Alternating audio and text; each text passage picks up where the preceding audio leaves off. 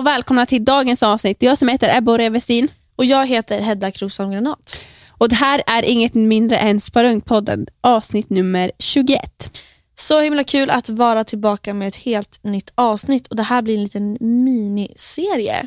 Men kan inte du berätta vad förra avsnittet handlade om? Jo, förra avsnittet handlade inget mindre än om olika analyser. Det handlade om teknisk analys och fundamental analys och lite vad det är och eh, varför man gör det. Mm. Men nu så kommer vi ha lite olika delar av kryptovaluta.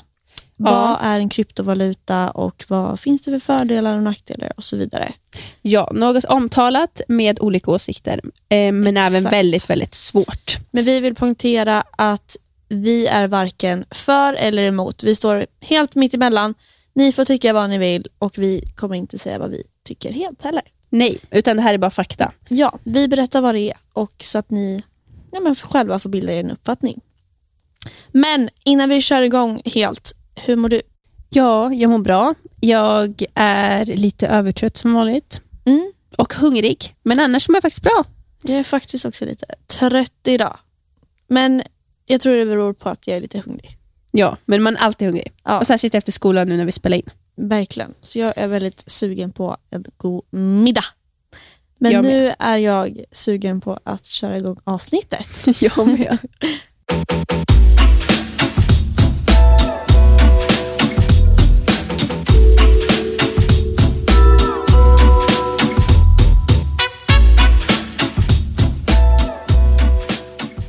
Men vi kan väl köra igång och berätta lite om ja, men, kryptovalutor. Och vad det är. Ja, och i världen så finns det ju väldigt många olika valutor. Det här pratar vi också om i äh, det allra, allra första avsnittet. Så gå in och lyssna på det. Ja, men länder har ofta sin egen valuta eller så finns det gemensamma valutor såsom till exempel euro.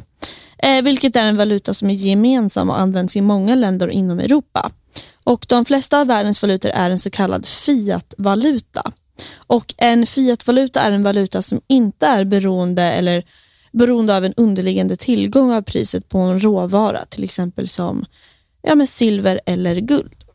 Och En valutas utfärdare, vanligtvis då en centralbank eller regering, har i stort sett en stor roll eh, i värdet på valutan eftersom den då baseras till stor del på allmänhetens, allmänhetens förtroende för dessa utfärdare. Ja, och en kryptovaluta då, då är en digital valuta och till skillnad eh, från en fiatvaluta så utfärdas inte en kryptovaluta av en centralbank eller en regering i ett land. Och Värdet baseras heller ej på förtroendet för utfärdanden som det gör med, med en fiatvaluta. En kryptovaluta är istället en helt oberoende valuta, decentraliserad som det kallas, från centrala aktörer. Och När den första kryptovalutan presenterades så var det år 2008 och Det var en pseudonym av personen som angav sin namnet Satoshi Nakamoto. Eh, man vet inte om det är en grupp eller en anonym person och man vet inte om den heter så här på riktigt heller. Men det som presenterades då år 2008 var ju då den första kryptovalutan, vilket var bitcoin. En helt ny typ av valuta helt enkelt. Spännande. Och istället då för att en statlig utfärdad fiatvaluta kom då en digital valuta. Det var en valuta som skulle kunna användas var som helst, när som helst och av vem som helst. Man skulle kunna använda denna valuta utan att nå, ha något tillstånd och användningen skulle kunna komma ske riskfri från eh, att någon möjligen skulle kunna då beslagta pengarna. Sedan 2008 så har tusentals fler kryptovalutor uppstått och alla dessa olika kryptovalutor förlitar sig på kryptograf kryptografi, förlåt, eh, som det heter, eh, för att förhindra förfalskning och bedrägliga transaktioner. Och Varför man kan tycka att det är bra med kryptovalutor är för att de använder kryptografi, då, som det heter. Eh, och Med kryptografi så studerar man kommunikationens eh, anonymitet, där man ibland vill undanhålla informationen som kan vara hemlig. Och Syftet med kryptovalutor är att det ska vara helt anonymt alltså. Det ska inte gå att kunna spåra dess tidigare användare eller se vem som skickar pengar till vad, eh, eller till vem till exempel. Ja, och för att då åstadkomma detta använder man krypteringsalgoritmer som även kallas för skiffer. Och man använder då eh, man använder kryptografi för att då skapa kedjor som innehåller information. Och Alla kryptovalutor består då av då så kallat blockchains, alltså blockkedjor på svenska.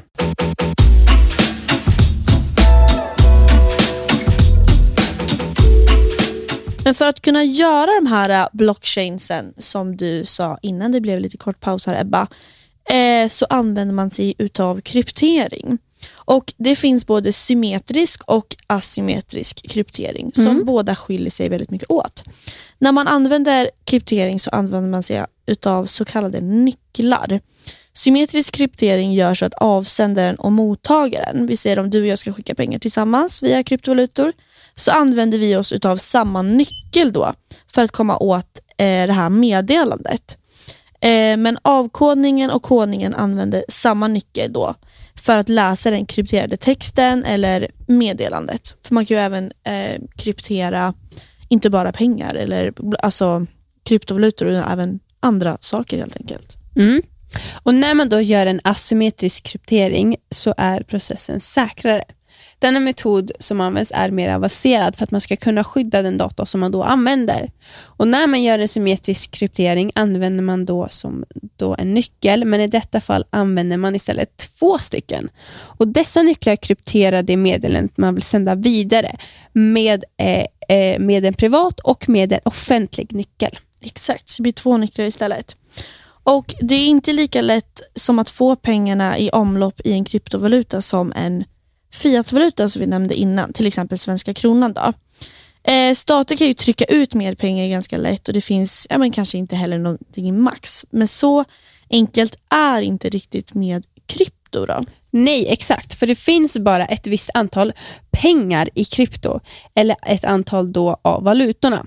Till exempel bitcoin är den största valutan eh, och kommer bara att till exempel ha 21 miljoner bitcoins och sedan tar det bara stopp.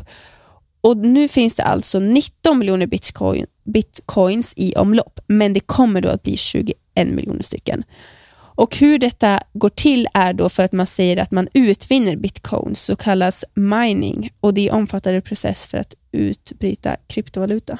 Ja, och för att utbryta en kryptovaluta så gör man någonting då som kallas mining, som du sa, som översatt från engelskan, eh, som det är på, betyder bryta på svenska. Och Mining är alltså den då process där transaktioner av användare kan bli accepterade och inkluderade i blockkedjans offentliga ja, men, redovisning. Och miners eller brytare på svenska, bygger nya block i kedjan. Lite som byggarbetare i gruvor bryter ut diamanter eller något annat så bryter datorer ut eh, nya bitcoins. Men för att få göra det så måste det bli ja, men godkänt. Då. Mm, intressant.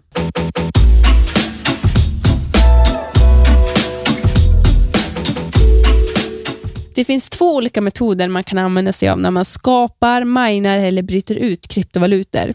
De olika metoderna då heter Proof of Work och Proof of Stake. Proof of Work-tekniken fanns innan den första kryptovalutan skapades, alltså bitcoin.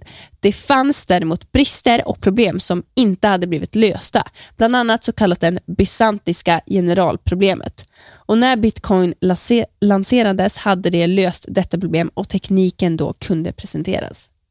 Denna teknik innebär att transaktioner säkerställs och nya bitcoins skapas. Detta genom att dess datorer gissar sig till olika väldigt stora matematiska tal och rätt gissning låser upp den kedja som nu kommer då att skapas.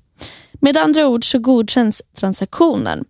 Belöningen till datorägaren som gissar sig till rätt tal får en del av ett nyskapat block i en kedja, exempelvis en bitcoin, Eh, en bitcoinkedja. Dessa berä eh, beräkningar som miljontals datorer sitter och gissar att få rätt tal på genererar enormt mycket datorkraft och energi. Eftersom det är så många datorer uppkopplade samtidigt för att gissa rätt matematiska tal dras det enorma mängder el även fast datorerna gissar fel. Och Detta bidrar då till ett stort koldioxidutsläpp. Till exempel, det finns stora datorsalar uppradade med bara tusentals eller tiotusentals datorer som alla sitter och ska gissa på samma tal. Men det finns bara en av de här datorerna i de här enorma stora byggnaderna. Ni kan söka och kolla på bilder. Det kommer bara vara en som får rätt. Och alla andra då som sitter och försöker gissa rätt, eh, de drar bara el helt enkelt. Mm. Det är sjukt intressant. Proof of stake-metoden vill främst förminska de stora energiförbrukningarna som proof of work genererar och de miljöproblem som det faktiskt bidrar till.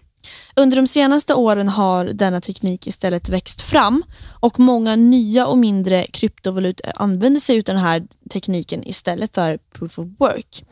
Vad som skiljer de här teknikerna åt är att gruvarbetarna, alltså minersen, eh, i proof of work-metoden ersätts med validerare istället i proof of stake.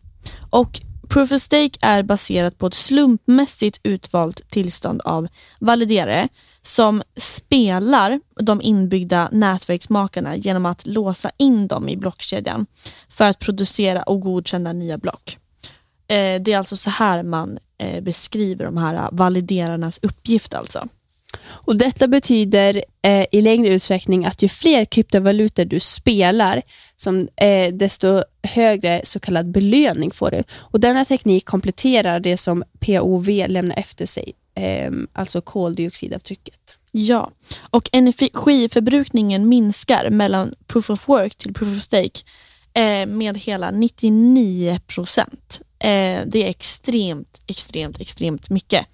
Och Det här är en väldigt stor klimatomställning som kryptovärlden står inför och även har börjat. Och Det är till exempel en stor kryptovaluta som heter ethereum som har gått igenom något som kallas the merge. Alltså de har bytt från proof of work till proof of stake för att vara mer klimatvänliga. Det är ju, det är ju bra mm. omställning det är väldigt för klimatet. Bra.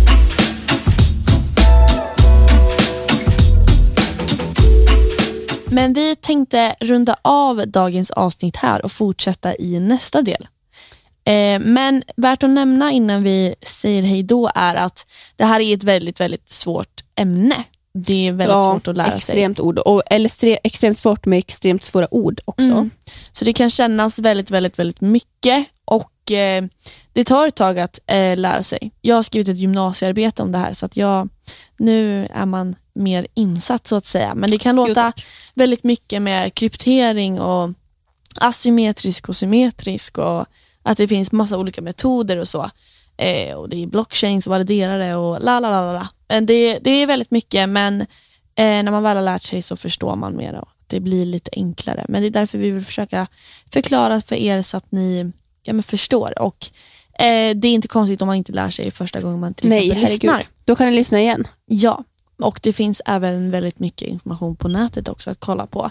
Men det är oftast eh, hög nivå på de här eh, kanske videos eller så som man kollar på. Så vi försökte förklara så enkelt det bara men, gick.